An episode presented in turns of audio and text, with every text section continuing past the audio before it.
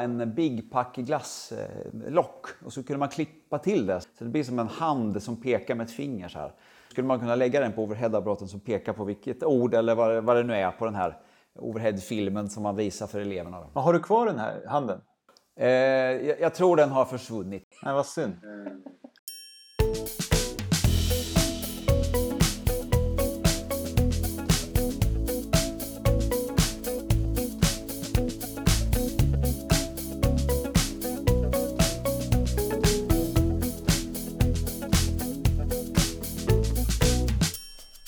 Och välkomna till Skolprat. Det här är en podd om skola, undervisning och lärande med oss Petter Enlund. och Karin Rådberg. Och idag så träffar vi Johan Johansson som är gymnasielärare i idrott och hälsa och IKT-pedagog. Välkommen Johan, vad roligt att du är med oss. Tack så mycket.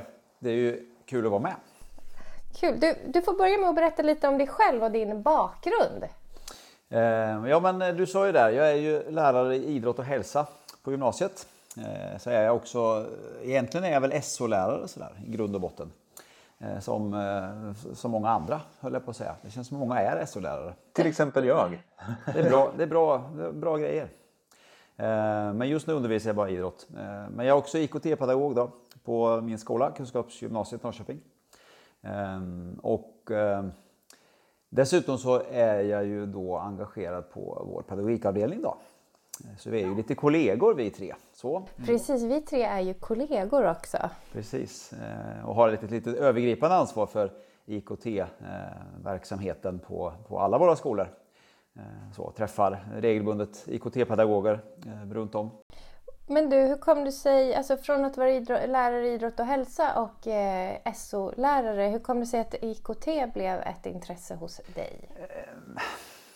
Vad kan det vara? Jag har alltid liksom gillat teknik. Eh, alltså, ja, så, lite häftig teknik. Så det är nog i grund och botten det som gör att jag tycker det här är är spännande. Att få prova och eh, testa nya grejer eh, som har med teknik att göra. Och då, är det inte så, då var det ganska naturligt att göra det i undervisningen också.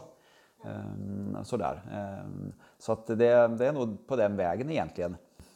Och att testa nya saker i min undervisning, det har jag liksom alltid gjort. Jag är ju så pass gammal så att det har nog inte alltid funnits IKT eh, i, min, i min verksamhet. Så, eh, jag har ju faktiskt lärt mig hur man ska använda overheadapparaten på ett effektivt sätt. Du kan väldigt mycket kan man säga. ja, precis. Hur man gör fiffiga pekare som man ska lägga på sin overheadapparat för att markera vilket ord som är aktuellt. Berätta lite om det bara Johan. Alltså för det, det, jag tycker det är så himla roligt. Du hade en sån, en sån lektion, eller? Ja, ja absolut. Eh, vad hette ämnet?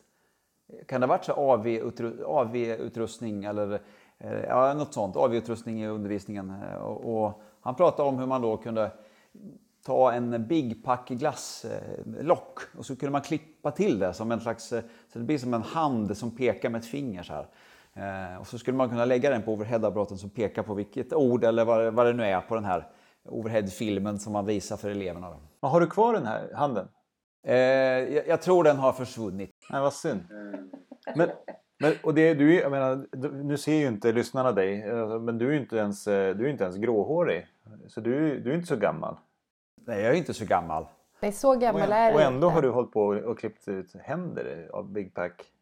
Ja, det säger ju en del. Jag började jobba som lärare 2000 och, och i min värld så är det, är typ nyss eller något. Precis. Det är i alla fall på den här sidan millenniet. Ehm, så. Men, eh, och då var det ju inte självklart att det var datorer och, eh, och fram, ja, projektorer och sånt där var väl inte att tala om. TV-apparat i klassrummet var väl, eh, kunde man ju rulla in om den var ledig. Ja, jag kommer ihåg på högstadiet eh, när vår lärare rullade in TV på engelskan och sen så hade han klippt en vit pappersremsa som man satte för texten på TV så att man inte skulle kunna läsa. Alltså, och, och, och jag slutade väl grundskolan 95 kanske. Så det är inte så, ja okej det är ganska länge sedan ändå. Men det, det, sammanfattningsvis kan man väl konstatera att det har hänt väldigt mycket de senaste åren. Eh, så. Johan, hur, hur, det här med, med digitala verktyg då. Eh, och eh, hur, ser du, hur ser du på fenomenet digitala verktyg för dig som lärare? Är det ett mål eller är det ett medel? Eller är det både och? Eh, ja, alltså nej, det är nog inte alls eh, ett mål. Eh, Eller ja, vänta, vi säger så här. Eh, Det finns ju naturligtvis ett mål i att få eh, våra liksom, barn och ungdomar att bli digitalt kompetenta, liksom förberedda så där, inför framtiden. Och då kan man väl på ett sätt säga att, att använda digitala verktyg i undervisningen är ju ett mål. Då. Eh, eller hur man nu ska säga. Men egentligen är det ju kanske inte det, utan det är ju snarare för att vi ska uppnå eh, undervisningsmål som läroplan och kursplaner och sådär eh, stipulerar att vi ska liksom få våra elever att nå. Så att det är liksom inget mål utan ett medel. Och därmed ska vi ju bara använda det då om vi tycker att det liksom hjälper oss att nå det här målet. Att få våra elever att bli, lära sig så mycket som de kan och ännu mer. Kan du ge något exempel på, på något sånt, eh, ja, men någon sån situation där, där du känner så här, men här, här var det verkligen så här, ett, ett medel för mig att nå längre med mina elever. Ja, även om det går, ja, ja, även om det går ganska fort så är det ju ändå liksom en, en, en process som har skett här de senaste 20 åren eh, för min del. Eh, så att det är lite svårt att säga liksom var, eh, var, när händer det? Ehm, eh, så det är svårt att liksom peka på ett specifikt liksom verktyg som på något sätt har omkullkastat allting. Ehm, så, så är det kanske inte riktigt. Men ehm, Det faktum att man sparar tid eh, är ju liksom en viktig, eh, viktig bit av det hela. Att jag gör saker och ting, att det går mycket fortare. Det blir effektivare att, att skapa någonting och, och dela det med mina elever än, än att eh, skapa det, skriva ut, eh, kopiera upp och, och, och fastna i kopiatorn och, och dela ut sen. Eh, Alltså, alla sådana saker är ju, är ju konkreta lärarvardagssituationer där, där verktygen absolut liksom har bidragit. Eh, Men då är det ju snarare kanske det här effektiviserings... Liksom. Det administrativa kanske i en lärares eh, vardag. Men om man tänker rent undervisningsmässigt eller, eller eh, hur, på vilket sätt har du sett att det har påverkat elevernas lärande i en positiv bemärkelse? Kan man prata om det på det sättet? Absolut, ja, absolut. Eh, det tycker jag ju. Framförallt tänker jag att det, alltså att det inkluderar, att det gör att fler elever kan delta på sina villkor. Eh, att man istället för att utsätta sig själv för att räcka upp handen och svara, vilket man inte törs, så kan man svara genom att eh, fylla i ett formulär eller man kan eh, skriva vad man tycker i ett, liksom ett ordmoln så får alla ta del av det. Eller, eh, så. Det, det är ju de största vinsterna tycker jag egentligen. Men lite så demokratisering på sätt och vis då att fler elevers röster gör sig hörda. Mm, ja, precis. Men även att, att man... Ja, jo, men absolut, det är ju det, att man då blir delaktig. Ehm, och, och, kan bidra och, och vågar så. Ehm, men även liksom det lustfyllda då. Det, det är min erfarenhet att ja, när eleverna får göra en hemsida så, så tycker de att det är roligare eh, att ta sig an uppgiften eh, än om de ska skriva en text och lämna in. Vilket kan man tänka sig att det är banalt då? Jaha, är det bara liksom lite glass och ballonger? Är det det som är grejen? Ja, men det är så enkelt, men det är också Alltså det är det som är själva grejen då. Att om man tycker det är roligt, det man håller på med, så lär vi oss mer. Det är ju grundläggande. Och vi orkar kanske över de här äh, learning pitsen eller vad, vad säger man, lärandegroparna. Vi orkar ta oss igenom det för att vi liksom lär oss någonting mer på vägen. Men, men är det inte risk att det, finns, att det tar för mycket tid från det, liksom, det, det konkreta innehållet som du vill förmedla till dina elever? Vad gäller vad, men, i, i, konkret ämnesinnehåll i historia till exempel. Och så ska de sitta och pilla med en hemsida istället för att läsa eh, intressanta texter i historia. Ja, alltså, jo, men det, den risken finns väl. Eh, eh, Men många... Eh, jag försöker ju förespråka verktyg som, som då är motsatsen, som är väldigt enkla. Eh, Och, och, och där tröskeln att liksom lära sig dem eller börja använda dem är låg. Eh, Och som tur är, höll jag på att säga, vi jobbar ju väldigt mycket med Googles verktyg då, inom kunskapsskolan, kunskapsgymnasiet. Eh, Och väldigt mycket där, de, de är ju väldigt duktiga på att göra saker och ting enkla eh, och användarvänliga. Eh, Jag, jag lät elever, istället de skulle göra en uppgift i idrott och hälsa som handlar om friluftsliv och så skulle de göra en slags, först var tanken att de skulle göra en folder, eller vad man ska säga, en informationsfolder om sådär, hur kommer man igång som, med friluftsliv. Eh, men så stötte jag på Googles egna eh, verktyg för att göra hemsidor som heter Google Sites.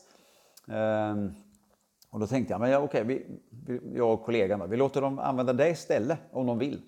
Och, och med lite sådär rädd för att tänk om det här nu då tar tid. Eh, men eh, det var faktiskt betydligt enklare. Det var så här, här kunde man skriva en text, här kunde man lägga in en bild och så kunde man flytta saker och ting. Eh, så att de hade ganska, bara den vanan de hade sedan tidigare med att använda vanliga ordbehandlingsprogram, ja men då klarar de det här. Utan att jag behövde lägga massa tid på att förklara och gå igenom. Sådär. Ja men det var ett bra exempel. Men då om vi backar lite, eh, vad säger styrdokumenten om IKT och digitalisering i, i allmänhet? Liksom? Kan, kan du berätta för oss? Ja, de, upp, alltså, de uppdaterades för några år sedan. Eh, för mig är så Lgr 11 kändes ju nyligen, men om man börjar tänka efter så var det, vänta nu, det var åtta år sedan det kom.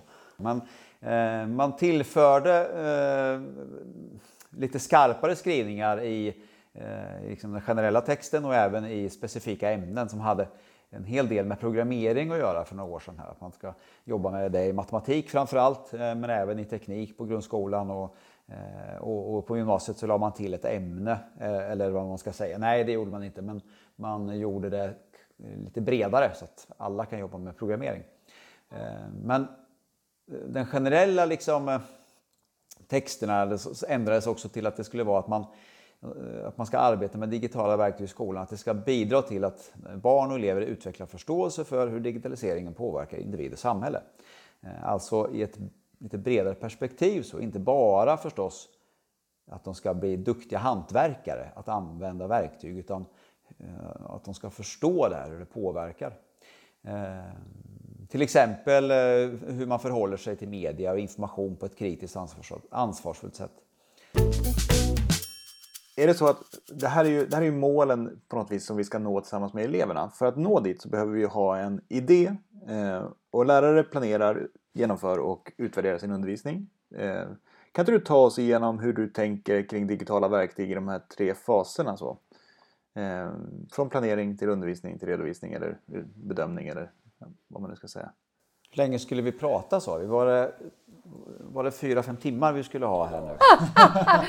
Om du kan ta det lite snabbare än fyra, fem timmar tror jag våra lyssnare eh, skulle uppskatta. Men det, det kan ju finnas några IKT-nördar här. Ja, ja nej men okej. Okay. Uh, nej men uh, alltså, alltså egentligen så är det naturligtvis så att det här att bedriva undervisning uh, 2019 är ju liksom likadant som 2000 eller 1995 eller vad, vad det nu var. Eh, förhoppningsvis. Alltså det är samma sak vi ska göra. Vi ska försöka utgå från elevernas eh, liksom deras kunskapsnivå, lägga upp undervisningen, genomföra undervisningen på ett eh, lustfyllt och engagerande och intressant sätt. Och så ska vi utvärdera vad de kan och, och, och utvärdera vad vi så. Och det, liksom, det gjordes ju även när vi gick i skolan. Ehm, så att det är egentligen inget nytt då. Men jag tänker att verktyg i form av alltså digitala verktyg kan liksom hjälpa till här nu att göra det här effektivare, eh, mer träffsäkert och eh, också mer lustfyllt kanske för eleven. Eh, och även i utvärderingen att man också där kan få till någon form av mer träffsäker liksom, bild. Ehm, för om man tänker sig planeringsfasen, då vill vi veta vad eleverna kan. Det är ju en, bra utgångspunkt. Eller vad de har för förväntningar eller för förståelse och sådär. Och varför då inte använda ett sånt här formulärverktyg som Google formulär där man då kan anonymt eller, eller med namn eller man ska säga samla in eh, utifrån frågor vad de vill eller kan eller eh, göra en diagnos eller något sånt där. Precis som man gör innan man planerar för kommande arbetsområde. Precis, ehm, för att se, ja men okej, den här elevgruppen, var, var ligger de någonstans? Ehm, så. Och, sen själva undervisningsfasen, den är ju så gigantisk så där finns det ju naturligtvis mängder med olika saker och verktyg man använder för att eh, göra det lustfyllt och effektivt och, och sådär. Eh, men även där då använder sig av eh, det, sådär, vad, vad, har eleverna tagit med sig? Liksom, vad, vad, kan de om det här? Ja, men jag använder jätteofta Google formulär för att göra sådana här avstämningar. Typ som en exit ticket efter liksom ett pass där, att de vad, vad har du lärt dig, vad är oklart liksom, så, så kan du justera din planering. Ja, Eh, och det, kunde man ju, det kan man naturligtvis göra analogt också. Post-it-lappar som ska samlas in eller, eh, eller vad det nu kan vara. Eh, men då tar ju det tid. Eh, och eh, man kanske avstår från att skriva för att, eh, egentligen för att ja, läraren vet ju hur jag, min handstil. Alltså det finns många sådana bitar tänker jag som man kommer runt. Då. En fråga där. Eh, när, när, du står i, i klassrummet och vill ha reda på vad eleverna tänker på just efter en genomgång till exempel innan de sätter igång med sitt eget arbete. Sådär. Mm. Eh, har du något tips på ett sådant eh, verktyg där man liksom bara snabbt kan få syn på det? Ja, om eleverna har tagit med sig några av de viktigaste begreppen eller någonting sånt? Eh, ja, alltså det finns ett som heter Answer Garden som ett verktyg för att där man gör, vad ska vi kalla det, ordmoln kan man väl säga då. Eh, man, man, det är en, en, fråga och eleverna skriver in eh, vad ett, ja, man kan beställa då, hur långt ordet får vara, men 20 eller 40 tecken. Och ju fler elever eller ju fler personer som skriver samma sak, desto större blir det ordet sen på, på skärmen. Så, så det är ju, då, då, då, kan man ju absolut få reda på, ja men okej, hur många var det som förstod att vi pratade om, eh, om Platon? Så, så, det är ett sätt, tänker jag. Ja, ja absolut. Okej, men bra. För, att, för jag tänker att det där kan ju vara en av de svåraste bitarna egentligen. Att, att man grundar sitt nästa steg i undervisningen på det som man faktiskt vet att eleverna tänker och har tagit med sig så här långt. Och inte bara på det som två eller tre av eleverna som sitter längst fram och räcker upp handen tänker.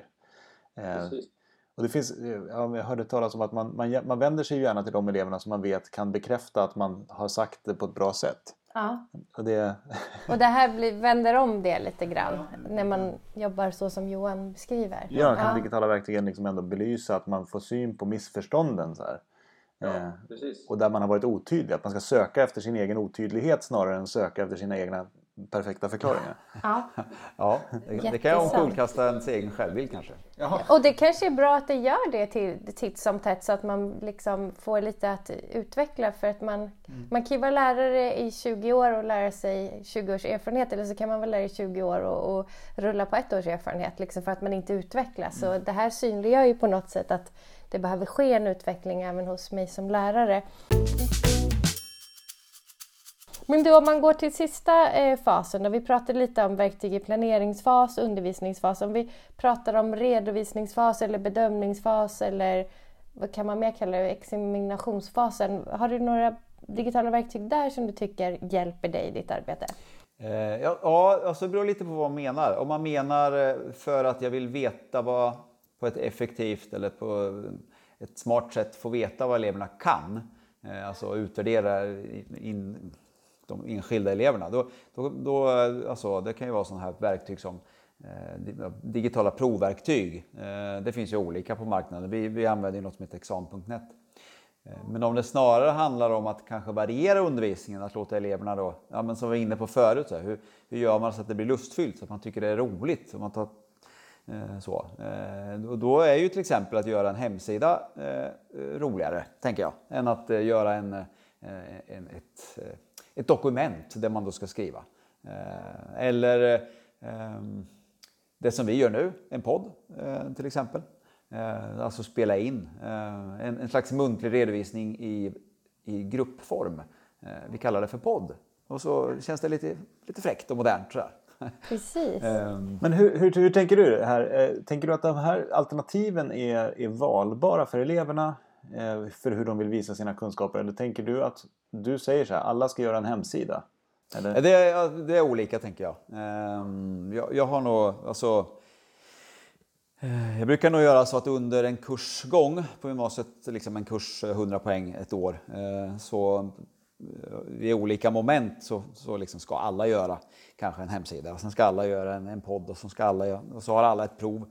Eh, och sen eh, lite senare sen i, i, i liksom kursens gång så, så kanske man, okej, okay, i det här momentet så får du faktiskt välja. Hur vill du göra eller hur vill ni göra?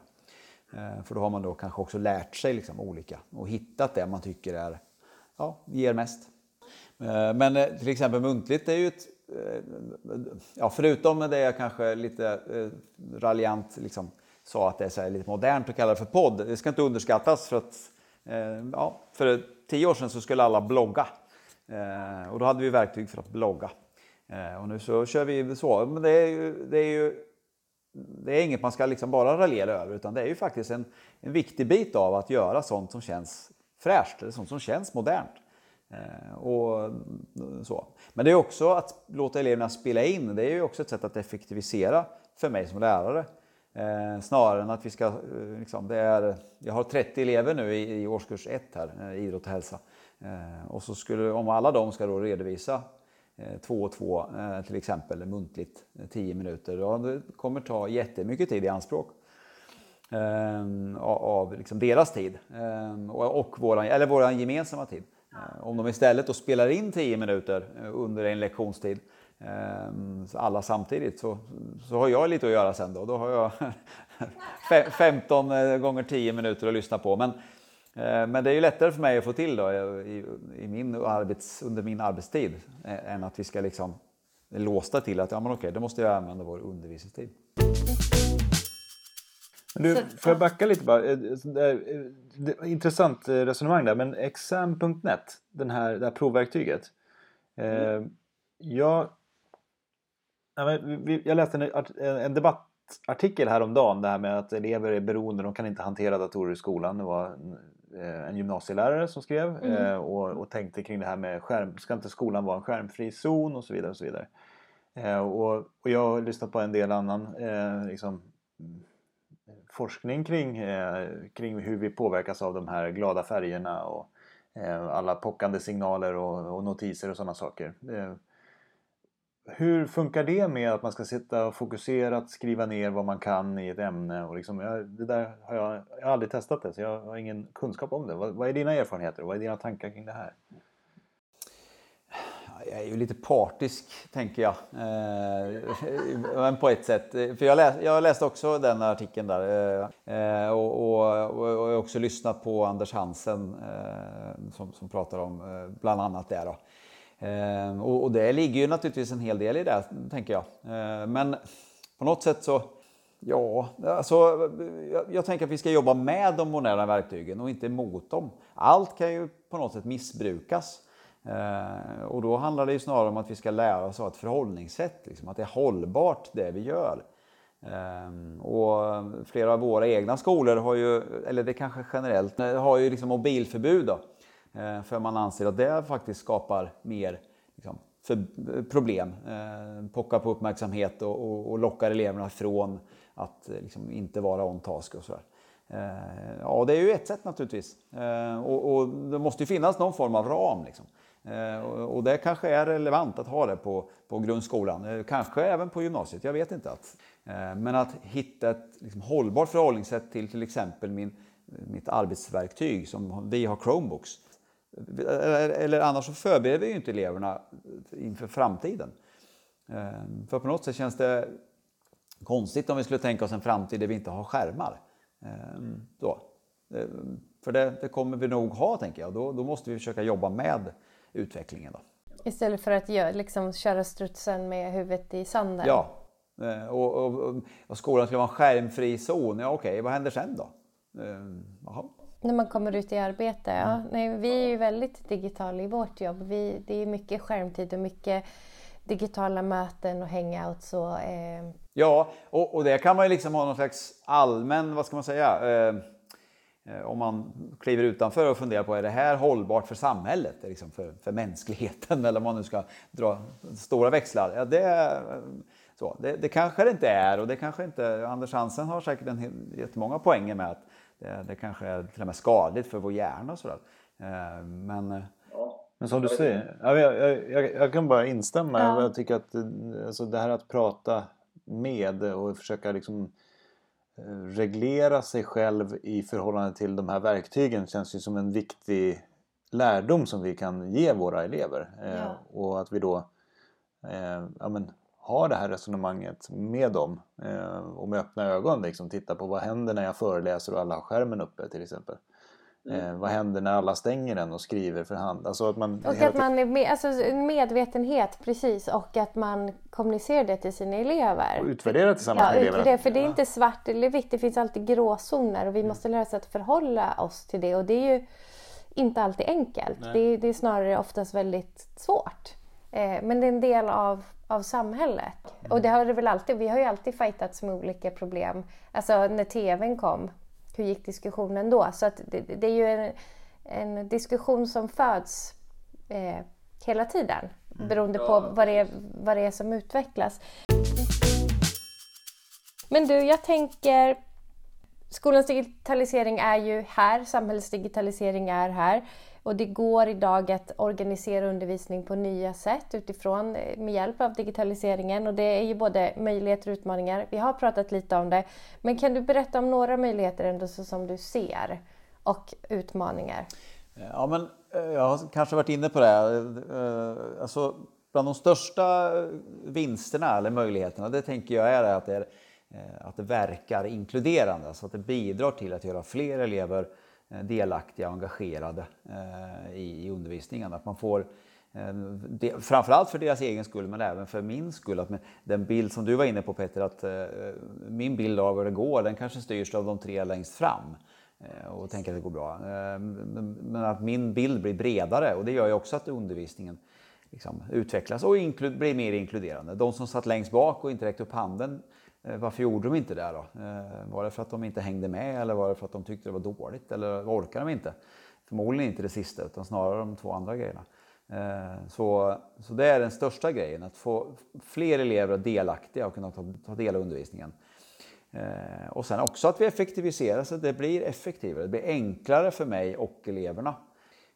Vi vet att det är väldigt nyttigt och värdefullt när eleverna får ge varandra respons Eh, I mitt tidigare läraryrke, eh, eller lärargärning 2000, eh, då, då, skulle jag se till att alla elever hade sin text utskriven och klar när de kom till lektionen så man kunde byta med varandra och läsa varandras text och ge varandra liksom, återkoppling. Men alltså, det hände ju jätteofta att skriva, skrivaren var trasig eller kopiatorn funkar inte och man hade glömt sitt arbete. Jaha, vad, gör, vad ska du göra då Karin? Ja, Sådär. Idag när man har allting i sin Chromebook och man kan dela med varandra på plats så är det inget problem att någon var sjuk eller att någon hade glömt. Sånt liksom gör ju att saker blir effektivare. Mm. Utmaningar då? Dels är det väl att få oss lärare att våga använda, alltså eh, att eh, höja vår digitala kompetens så pass mycket eh, så att vi faktiskt använder det och, och, och nyttjar det. Ehm, och så är det det som vi varit inne på, att få våra elever att få ett vettigt förhållningssätt eh, till digitala verktyg. Eh, allt ifrån det här eh, som vi ska jobba med då, enligt Lgr 11 naturligtvis, hur det här påverkar oss som individ och samhälle utifrån källkritiksaspekter och sådär. Men också det mer konkreta liksom skärmtiden. Hur, hur gör jag så att jag faktiskt, eller så att jag är medveten om vad det får för konsekvenser och hur jag ska förhålla mig till det och sådär. Eh, ah, ah, så. Eh, vad innebär det att jag hela tiden får reklam matad i Facebookflödet eller vad det nu är jag sitter? Eh, och varför är det så? Hur ska jag förhålla mig till det? Det är väl de största utmaningarna sådär. Du, vi ska avsluta. Vi brukar avsluta podden med att, att den vi pratar med får skicka med tre tips. Och idag så skulle vi vilja att du skickar med tre konkreta verktyg som har underlättat för dig i din undervisning? Eh, whiteboard, overhead och eh, Nej, det var, det var inte de nu Digitala, verktyg. Eh. Nej, okej, okay, digitala verktyg. Ja, men jag har nämnt Google formulär. Eh, för att jag, jag så här, enkäter, gallups, vad tycker eleverna? Eh, och, och, vad kan de innan? Och inte minst läxförhör som man kan då få så att de är automaträttade. Det är ju fantastiskt. Ehm, och sen nämnde jag Answer Garden. Jag tycker att det är värt att nämna igen. Eh, för det är ett verktyg som är en låg tröskel för mig som lärare och för eleverna. Eh, jag formulerar en fråga och så blir det ett, ett, ett fönster där eleverna kan skriva in och man kan se vad de andra tycker. Och ska man jobba med datorn i skolan så är ju liksom ett verktyg för digitala prov och uppsatser, det är ju värdigt. Och vi använder exam.net, det finns DigiExam, det finns andra. Men, så jag säger väl exam.net, för jag tycker att det är, ja, men det är världsklass verkligen när det gäller den typen av provverktyg eller uppsatsverktyg. Så formulär, exam.net, Answergarden, det var mina tre tips. Tack! Jättebra. Om du fick, om du fick säga så här, om man är eh, hyfsat, om man är ganska novis eh, på att använda digitala verktyg. Om du får säga så här, 1 till 5, om 1 är väldigt lätt och 5 är väldigt svårt. Kan man säga då på varje verktyg hur, hur lätt och svårt det är att använda? Det beror ju på vem man frågar. Men nu frågar vi Johan. Eh, ja, men alltså, det är lätt. Allt är lätt när man kan det. Så är ju en, en gammal klassiker. Men eh, det är ganska lätt att lära sig. Eh, det tycker jag verkligen. Jag hade motsatsen en gång. Det var ett verktyg som man skulle... Eh, då, då köpte man mentimeterknappar. Eh, jag visar här, det är dumt för ni ser ju inte. Men det var som eh, små liksom, fjärrkontroller, en låda som man köpte. Och så, och så var det kopplat till Powerpoint. Det var inte lätt. Idén var lätt, men herregud, det tog åtta timmar tror jag. En hel arbetsdag att få till en slags presentation med frågor där deltagarna skulle säga Vad tycker du? Vad tycker du? Och sen när jag skulle köra så funkar det inte. Så det var liksom eh, Det var inte lätt. Det har hänt mycket. Då gick du tillbaka till overheaden med, med Då var det overhead med pek, pekpinnen. Johan, eh, tusen tack för det här samtalet. Eh, och jag Tack tänker själva. att om vi har några lärare inom Kunskapsskolan och Kunskapsgymnasiet som vill lära sig mer så är det väl bara att de hör av sig till dig. Ja, det är superenkelt. Då är det ju Johan med två N då. Det är ju lite udda, men det måste man komma ihåg. Så tusen tack Johan med två N för idag. Eh, Ja. Ja. Tack så mycket för att du var med. tack! Tog dig tid. Hej hej! Hej då! Ja, tack själva. Vi hörs! Skolprat är en podd om skola, undervisning och lärande med oss Karin Rådberg och Petter Enlund. projekt och utvecklingsledare på Kunskapsskolan. Tack för att ni lyssnat.